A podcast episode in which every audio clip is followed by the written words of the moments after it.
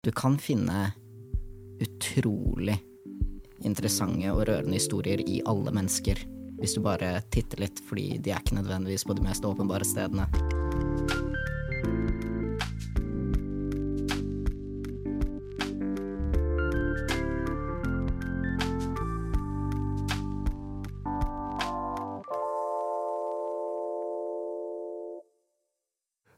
Kjære ørevenner, kjære seere. Vi har en ny episode av Fotopodden.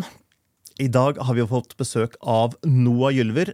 Han har begått et veldig spennende prosjekt som vi skal komme tilbake til ganske snart. Noah, du er i dag juniorfotograf i Kolonihagen. Det er jeg. Tidligere lærling. Yes. Vi har snakket litt om lærlingordningen tidligere også. Hvordan har det vært å være fotolærling? Det, for min del har det jo vært eh, helt fantastisk. Jeg har hatt litt sånn annerledes løp fordi jeg eh, jobbet bare i studio eh, ganske lenge før jeg ble lærling. Akkurat. Eh, så jeg hadde ikke helt sånn normalforløp, men så, så bestemte jo noen seg for å legge ned fotofaget, som er helt på trynet. Men eh, da da måtte jeg eh, bare ta sjansen mens jeg hadde den. Så da begynte jeg som lærling. Ja, så fikk jeg litt sånn forkortet tid siden jeg hadde erfaring og sånne ting, da. Ja. Men eh, Så du var på det gamle løpet, du, ikke på det nye løpet? yes, det Ja. nye er jo eh, innholdsprodusent. Da jobber man jo med alt fra tekst og kommunikasjonsstrategier og lyd og hundre andre ting som jeg verken kan eller interesserer meg veldig mye for.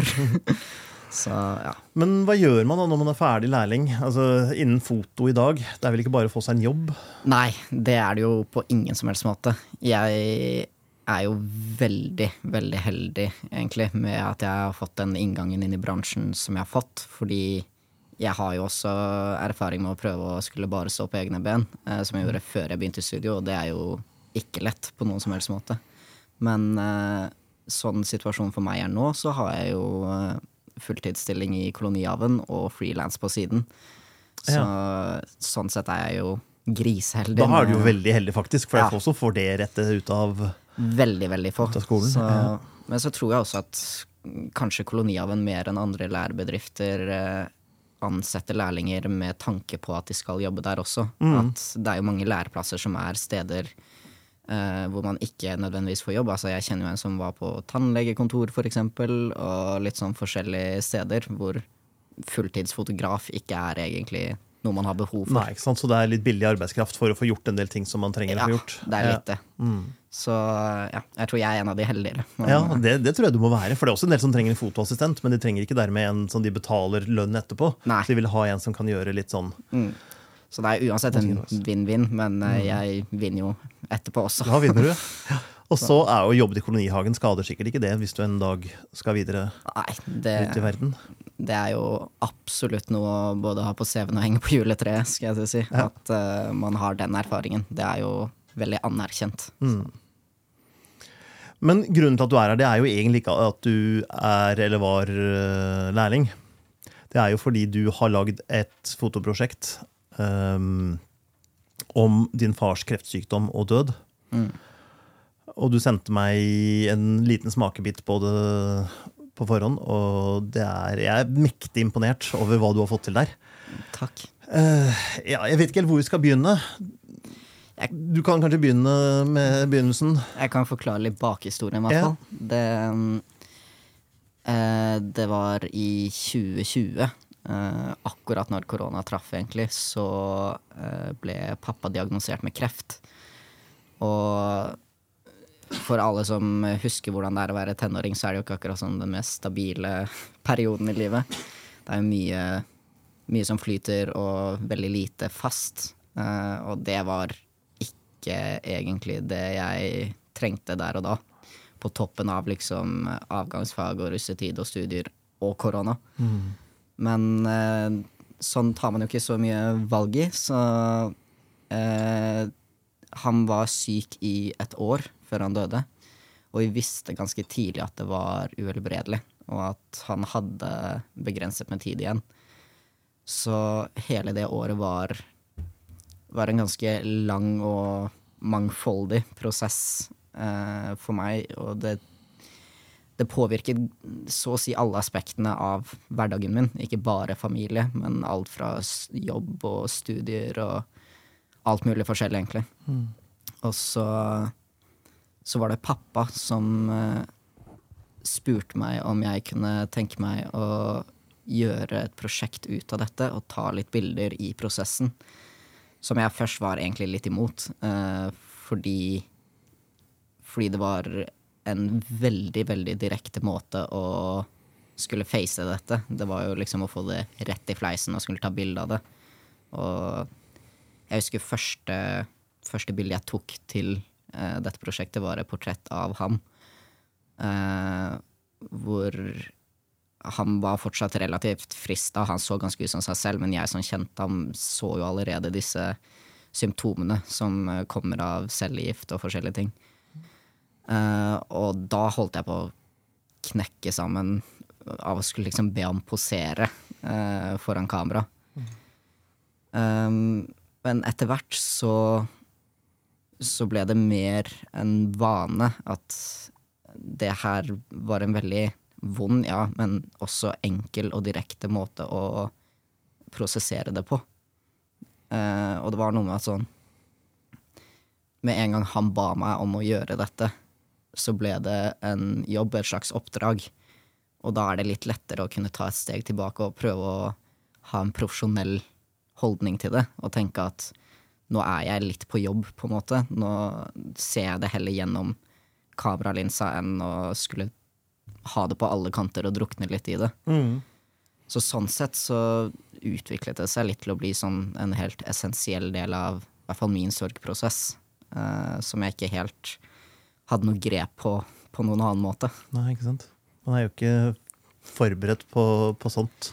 Man er jo ikke det. Det, man er vel aldri forberedt på sånt, egentlig. Selvfølgelig Når foreldrene blir 80 og, og skranter, så, så er det noe annet. Men når du er tenåring, så, så er man ikke laget for å håndtere Nei, ikke det hele tatt. sånne ting. Og altså, jeg skal jo eh, ikke kimse av at jeg hadde utrolig mye goder på min side i en sånn situasjon. Jeg har jo en mor som er sørgeprest og har jobbet med sorg i 25 år, så hun har jo en smule kompetanse på dette med å deale med sorg.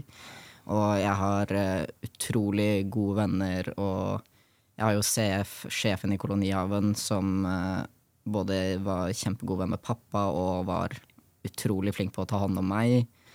Så ja, jeg hadde jo mye rundt meg som også bidro, men helt direkte inn i inn i dette prosjektet, så så hjalp det meg å deale med en del ting som jeg ikke ellers hadde greid å få grep på, hvis jeg kan si det sånn. Mm. Ja, for Du skriver i teksten, noen av tekstene til bildene at det er en veldig ensom prosess. For uansett hvor mange du har rundt deg, Mm. eh, og selv familie som på en måte er i samme situasjon, så er du likevel alene om det. Ja. Og jeg ser for meg venner Hvis du er eh, 18-19 år, så har du ingen venner som kan eh, si Altså som kjenner seg igjen, eller som har så mye annet å, å, å gi enn å være til stede. da. Ja. Det er jo, altså jeg merket jo i hvert fall veldig det i og med at jeg er så ung, mange rundt meg. øh, og jeg, jeg er veldig, veldig øh, forkjemper for at man ikke skal måle opp sorg. For det tror jeg ikke kommer noe godt ut av. Altså Enten er det bare mer selvmedlidenhet, eller så er det å undergrave dine egne følelser. Men, mm. men det er jo et faktum at mange av de rundt meg det verste de hadde opplevd, var jo på en måte enten kjærlighetssorg eller kanskje tap av besteforeldre, eller at foreldre skilles, som er liksom enorme ting når man er barn. Men når jeg sitter med noe som er såpass annerledes, så er det på en måte epler og appelsiner. Altså sånn Uansett hvor vondt eller tungt slike opplevelser er, så er det fortsatt noe veldig annet enn den permanente følelsen som kommer med døden. Det, det som er så utrolig punktum i historien. Det er det som er liksom det vanskeligste å skulle svelge. At sånn er det resten av livet. Og det var det ingen som kunne relatere til. Så jeg har veldig sånn tosidet forhold til det. At på ene siden så, så, var, det, så var jeg veldig alene i det. Uh, altså selv med Jeg har jo to søsken ganske nære i alder, og vi håndterte det jo helt forskjellig, måten vi dealer med dette på. Altså selv sorgen er jo Den er så personlig og satt sammen av dine egne opplevelser, erfaringer, tanker, følelser. At selv liksom folk du har vokst opp med, har en helt annen sorg enn det du har. Ja, Og ytrer det på en helt annen måte også. Og ytrer det på en helt annen måte. Så det var liksom På ene siden så var det utrolig ensomt, og på andre siden så så hadde jeg mennesker rundt meg. Altså min, en av mine beste venner som jeg bodde med når jeg bodde et år i København. Eh, seks måneder etter at pappa døde, så eh, gikk jeg på folkehøyskole i Kjøben.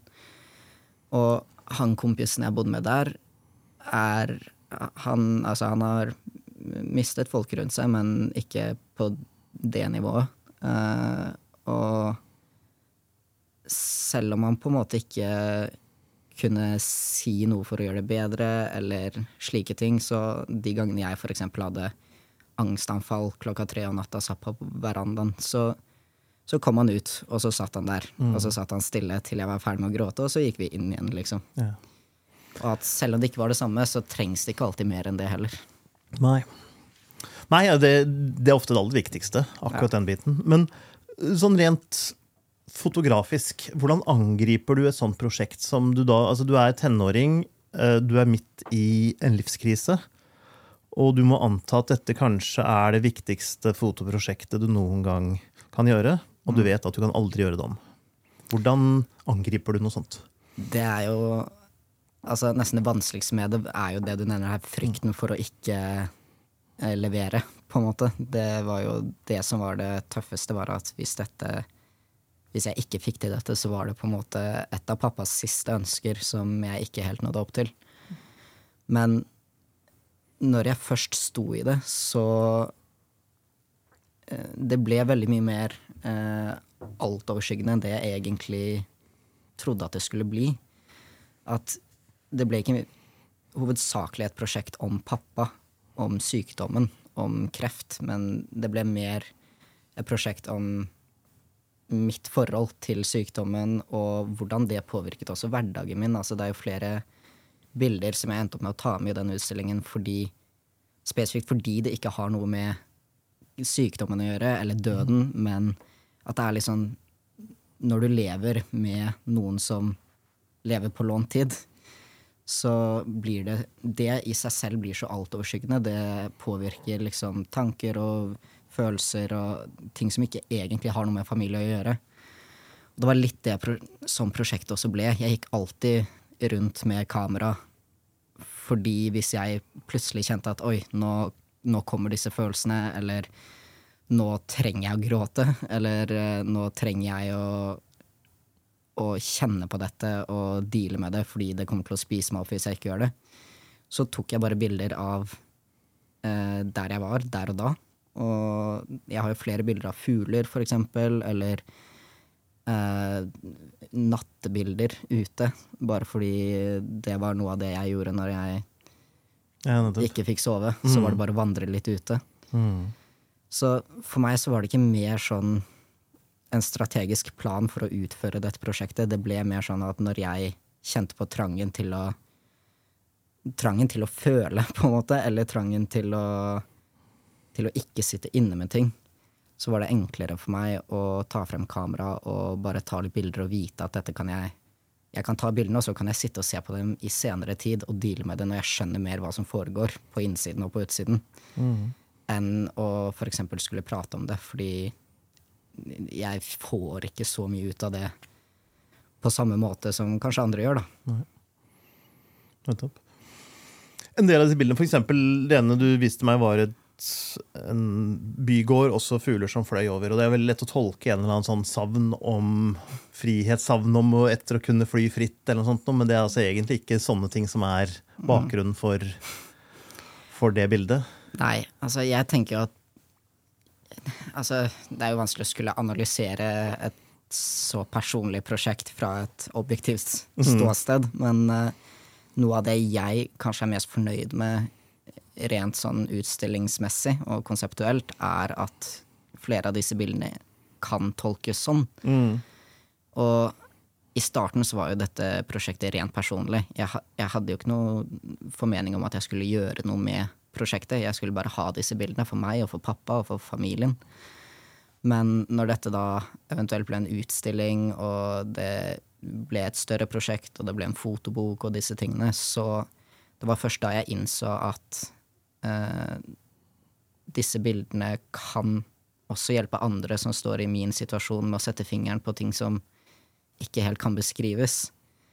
Og det at disse bildene da, eksempel det med fuglene, kan oppleves så forskjellig av folk i alle livssituasjoner.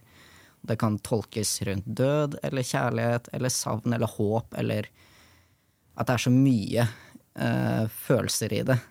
Eh, det er kanskje det jeg er mest fornøyd med, og for meg der og da så var det Jeg tror det var fire-halv fem om morgenen, på en måte, en natt jeg ikke fikk sove. Og det var liksom bare sånn 10 000 kråker eller et eller annet som fløy rundt dette huset, som i seg selv var et ganske spennende motiv, på en måte, så jeg hadde jo tatt bildet uansett.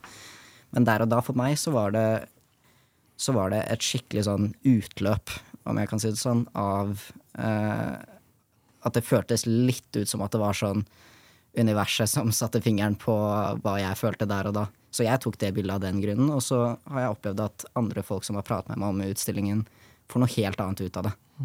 Som Ja, jeg tror nok det er det jeg syns er noe av det fineste med de bildene. De bildene jeg har sett, er jo stort sett veldig mørke, alle sammen. Og det er jo et veldig mørkt tema, Ja. så det er jo i og for seg ikke så rart. Hvor bevisst var det, eller ønsket du å, å, å ha noen lyse bilder med lyspunkter innimellom, eller hvordan, hadde du noen plan bak dette her? at det er veldig gøy at du tar opp det, fordi eh, Ja, de fleste bildene er faktisk ganske mørke, og hovedparten av motivene er jo også mørke motiver, eh, hvis jeg kan si fra et utforstående øye. Men samtidig for meg så er flere av bildene altså det er flere av bildene hvor pappa ser skikkelig syk ut, han er sliten, og det er tydelig i bildene. Og det er en stor del av det. Men det man ikke ser, er at de f.eks. er tatt fra den siste familieferien vår, som var så fin fordi det var den siste familieferien, og alle strakk seg litt ekstra, og det var god Ja, stemning. for alle visste at det var den siste familieferien. Alle visste at nå nærmet det seg, på en måte. Og det er en av de fineste minnene jeg har med hele familien. Det var bare oss, og vi hadde det så koselig. Og selv om pappa er syk og sliten på de bildene, så kjenner jeg veldig på en sånn ah, eh, Litt sånn eh, melankolsk, men også veldig fin følelse. Og det var nok ikke mer bevisst enn at dette er et bilde jeg får mye ut av. Kanskje noen andre får noe ut av det, de også. Mm. Og så er det jo naturlig at når man kanskje ikke, i hvert fall ikke når man står i en sånn situasjon selv, så virker det relativt dystert. Og det er det jo i det store bildet. Men jeg syns også at personlig at det er mye lyst. Mm. Det er, det er jo det man blir jo Man kommer jo tettere den lille stunden man har. Ja. For man skal jo på en måte erfare alt det man rekker. Mm. Eh, og jeg syns du beskriver det veldig fint, den konflikten mellom å ønske mer tid og ønske at det hele skal være over. Mm. Uh, har du prøvd å uttrykke det, den konflikten i bildene? Det var um, et, av, et av de store problemene jeg måtte overkomme. Uh, hvis vi ser bort fra det å miste pappa, på en måte, så var det denne angsten over å prioritere. Uh, fordi med en gang Med en gang han begynte å leve på lånt tid, så fikk alt en prislapp. At da ble det plutselig et valg jeg tok over noe annet, i stedet for at ja, jeg er jo ungdom, selvfølgelig skal jeg henge med venner. Og det er flere av de bildene. eh, for eksempel så er det bilde av en kråke, tror jeg, eller skjære, jeg kan ikke fugler, men eh, en fugl i hvert fall. En pip-pip. Mm.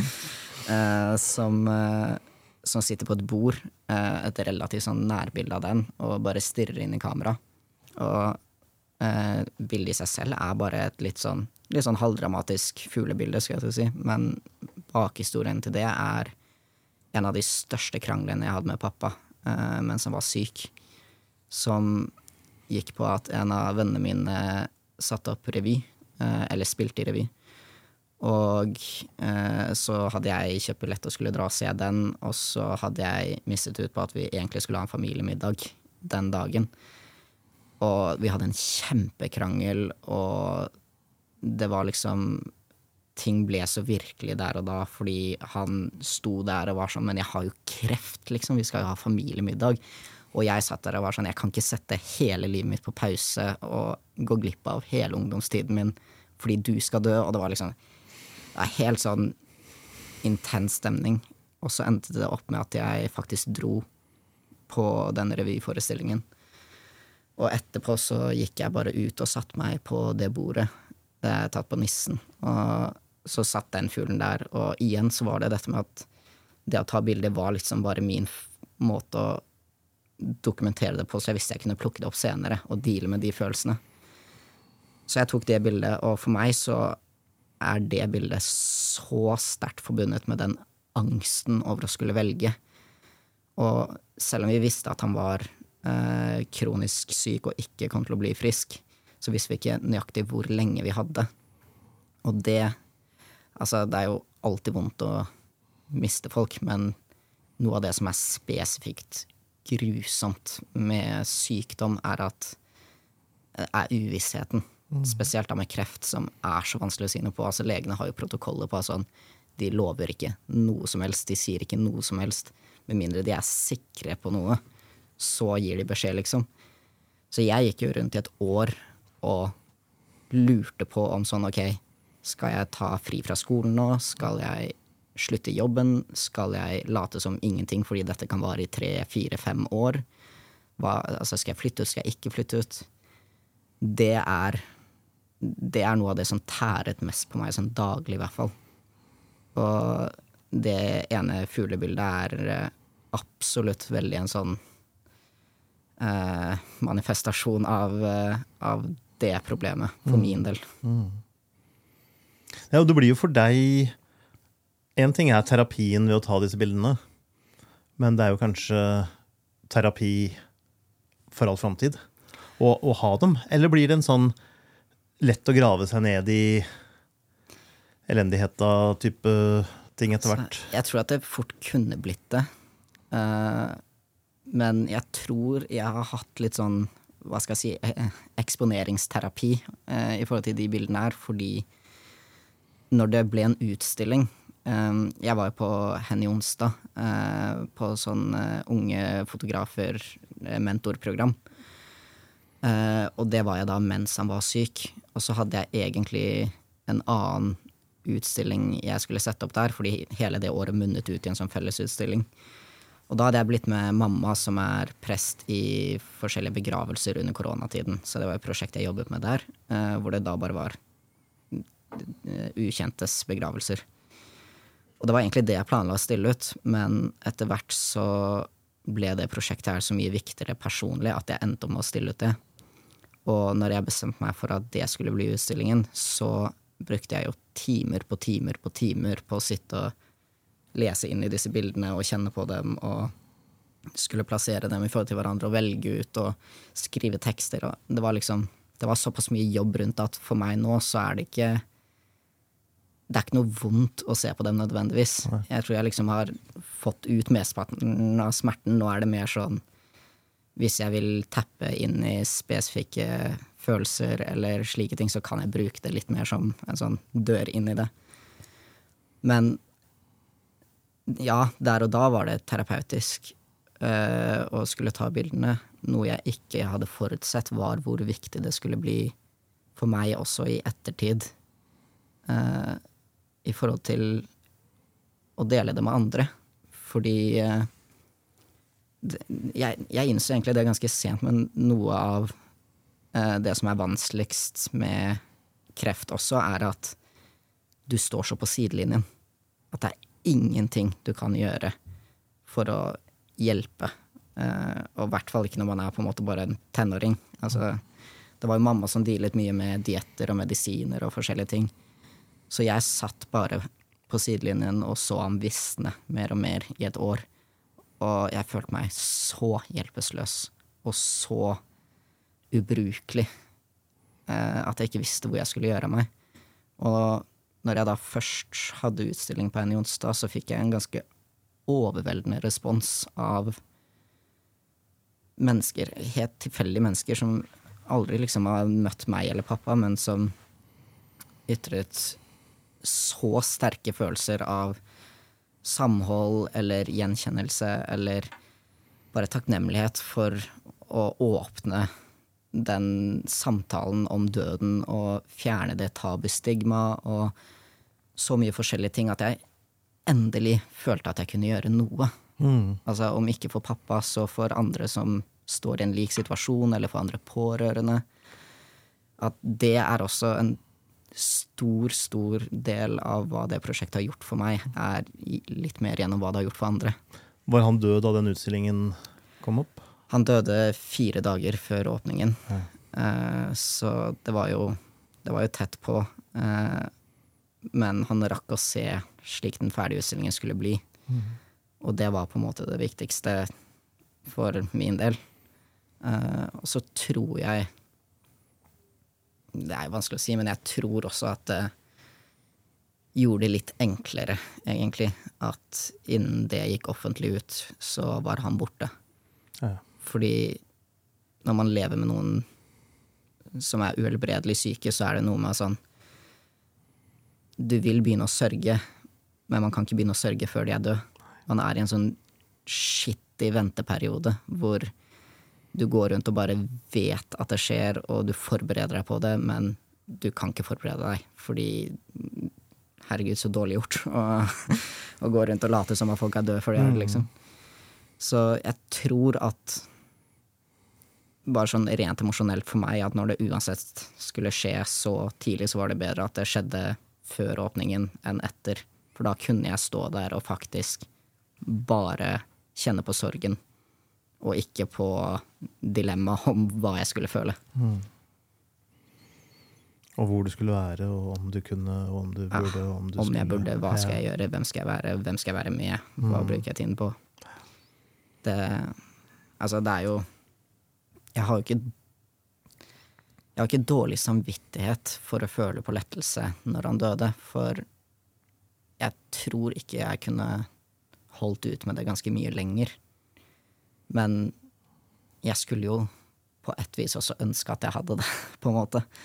Man føler seg jo ikke som et godt menneske av å tenke åh, nå ga det sl slipp alle disse vonde følelsene. Men jeg tror også at Jeg tror at hvis det først skulle skje, så var vi veldig heldige med sykdomsforløpet hans. At da skjedde det på riktig måte. Han var syk i et år, og det var nok tid til å få affærer i orden, skal jeg til å si. Og så var han veldig seg selv helt til tre-fire dager før, hvor det gikk rett ned. Så ja.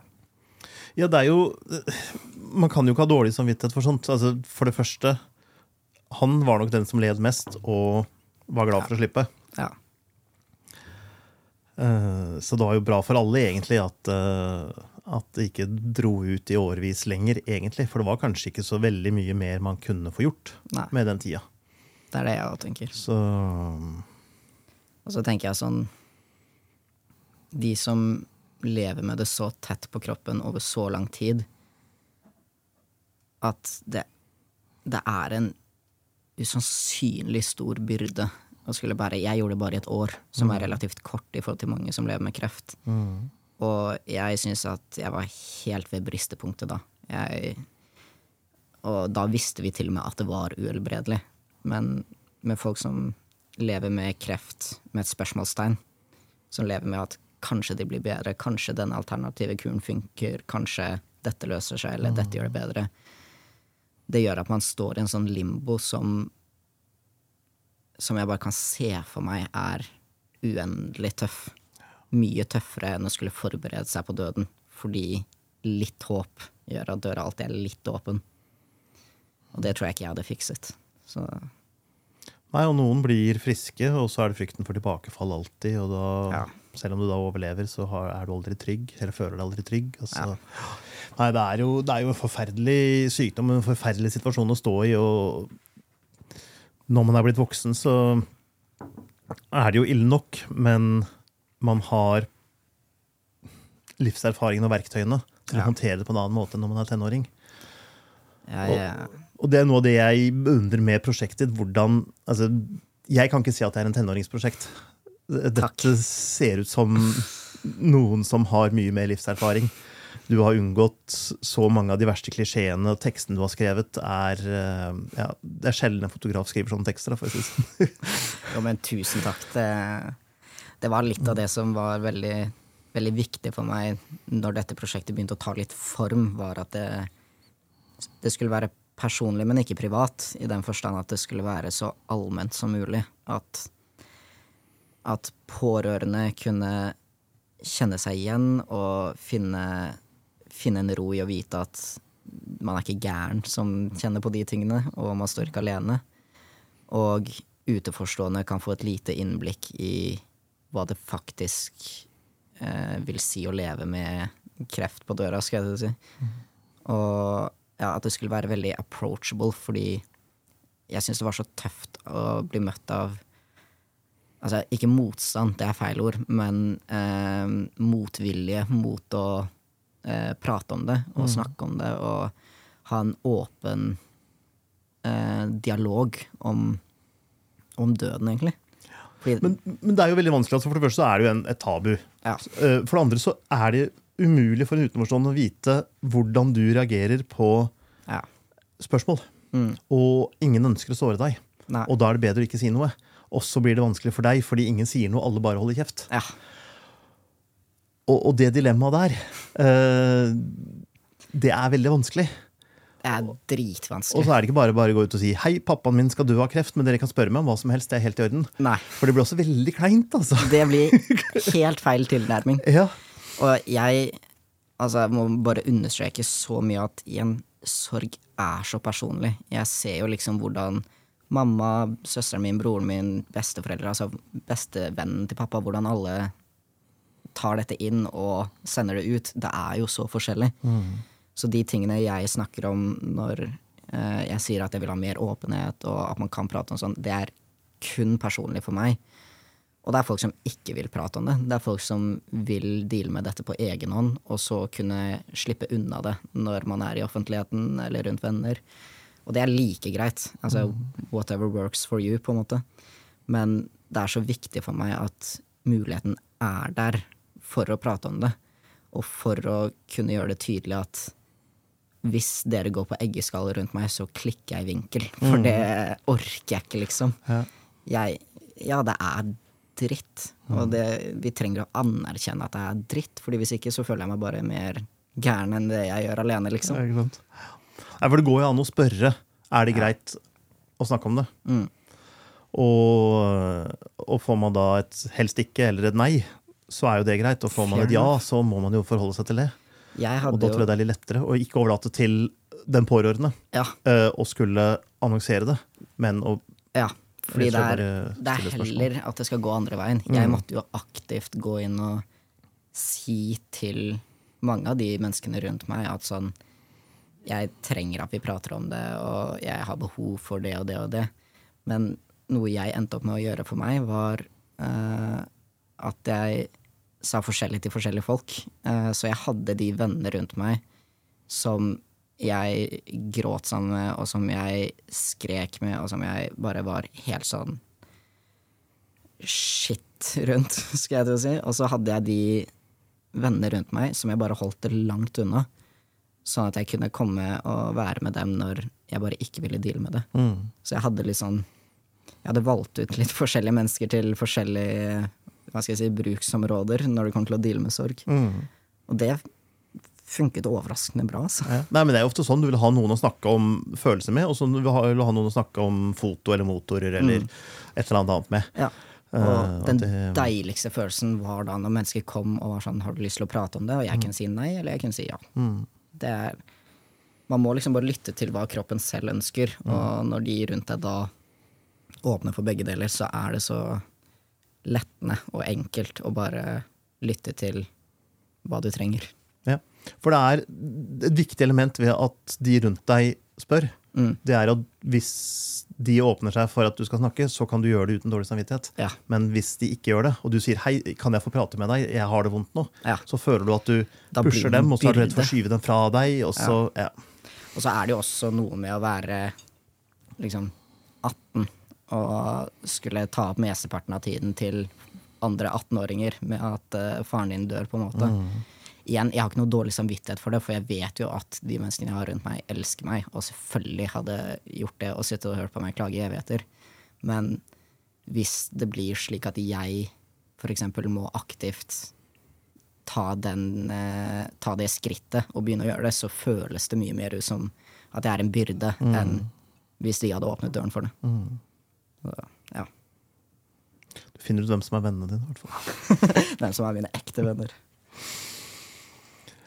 Hva har dette prosjektet og denne opplevelsen gjort med deg? Altså, du, har gått fra, du gikk fra å være 18 til å være 19, eller noe sånt men egentlig gikk du fra å være 18 til å være 30, eller hva, hva skjer med deg som menneske etter å ha vært gjennom noe sånt? En av de tingene jeg har kjent veldig på, er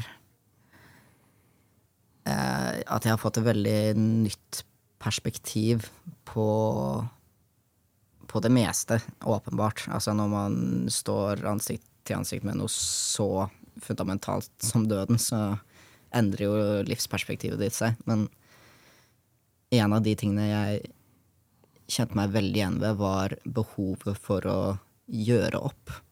Eh, og det å ikke sitte med noe Sitte med noe inne. Jeg hadde Siste dagen eh, pappa var i live, så var vi oppe på Lovisenberg, eh, hvor han da skulle få palliativ behandling, som er at du bare pumpes full av medisiner til du sovner. Eh, og da da fikk jeg liksom eh, beskjed om at sånn, hvis du vil prate med ham, så er det nå. Eller aldri. Og da fikk jeg liksom reality check på sånn Oi, aldri høres veldig, veldig lenge ut. Uh, så jeg må liksom jeg, jeg må bare få sagt de tingene jeg ikke har sagt. Og hvis jeg ikke hadde tatt en prat med ham, så tror jeg at jeg hadde vært på et så mye verre sted. Eh, både med meg selv og med min relasjon til ham og alt mulig. At vi hadde liksom en lang samtale. Jeg sa ting jeg burde sagt for lenge siden. Han endte opp med å si ting jeg syns han burde sagt for lenge siden. Uh, vi fikk liksom rydda opp i de tingene som måtte ryddes opp i. Og da var det ok at uh, at boka ble lukket, på en måte. At vi fikk den avslutningen. Og så i ettertid så har jeg sittet med en sånn følelse av sånn Hvorfor i alle dager venter jeg til bokstavelig talt han er på dødssenga med å ta opp det her? Det, og det gjelder jo ikke bare folk som har syke pårørende. Altså bilkrasj skjer jo hver dag. Det kan jo skje når som helst, liksom. Så viktigheten av å ikke ha noe uoppgjort med folk rundt deg, det er en ganske sånn sentral verdi jeg prøver å holde ved. Og den andre delen er å være bevisst på takknemlighet.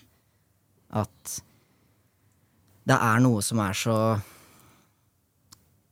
At når du først innser hva for sent egentlig betyr Altså, Før så trodde jeg liksom at for sent bare at du kom for sent til toget.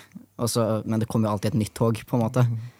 Når det plutselig ikke kommer flere tog, og du Altså, hvis du bare Du mista sjansen, og du får den ikke igjen, på en måte. Til å være takknemlig, til å vise takknemlighet. Til å mm, formidle at jeg er skikkelig glad i deg, eller dette, eller for dette, eller At det er så utrolig kjipt. Og jeg har kommet på ting i ettertid som jeg skulle sagt til pappa for lenge siden, liksom. Som fortsatt sitter og gnager litt. At han ikke fikk høre det, og at jeg ikke fikk sagt det fordi jeg bare ikke tenkte over det der og da. Men eh, det å være veldig bevisst og tydelig på det du er takknemlig for, gjør ikke bare andre, men også deg til et uh, lykkeligere menneske. Det er jeg helt overbevist om. Det gjør det absolutt. Hvordan går man fotografisk videre fra et sånt prosjekt? Vil ikke alt føles meningsløst og lite? Uh, altså, til en viss grad, jo. Uh, jeg finner jo ikke like mye mening i bare rent sånn ren jobben jeg gjør, som det jeg kanskje gjorde før. Før så var det litt sånn åh, dette er så kult, og jeg er ute i arbeidslivet, og sånn jeg får lov til å jobbe med dette og dette, som fortsatt er kjempegøy. Men når jeg først har jobbet med noe som har gitt meg selv så mye mer, så blir jo litt sånn Det å ta CV-portretter er jo ikke like kult, på en måte, som det det var. Men samtidig så så har det nok egentlig gitt meg mer i det lange løp, i den forstand at sånn Jeg vet at jeg vet at foto har potensialet til å gjøre så mye for meg.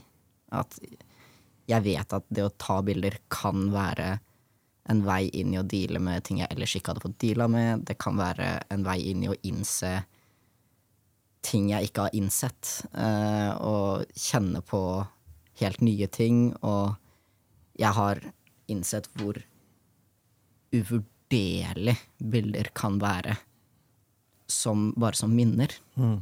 Altså, det å liksom kunne se på bilder fra familieferien, eller portrettet jeg har tatt av pappa, eller bare bilder av andre ting som skjedde i den perioden, er jo litt sånn Altså, det, det kan jo være sånn dop, liksom. Det bare å kjenne på at de tingene ikke er helt borte, fordi du fortsatt har det fysisk printet ut, og, og du vet at det skjedde. Det Ja, det er helt uh, Det er noe av det som har endret litt mitt forhold til foto som uh, Altså ikke bare en jobb, men også som et uh, utløp for alt. Mm. Så jo da, CV-bilder er kanskje mindre, mindre råkult enn det det var, men foto i seg selv har på en måte fått litt en ny drive for meg. Ikke bare karrieremessig og eh, lunsjlipsmessig, men, eh, men også kreativt. Mm. Så For det er vel langt mellom hver gang det er en drive lunsjlipsmessig. det Ja. Um, men det må jo også føles veldig behagelig noen ganger å ta den typen portretter. Da, fordi at ingen kan leve med og sånne prosjekter som det med faren din hele tida. Det, det går jo ikke. Nei.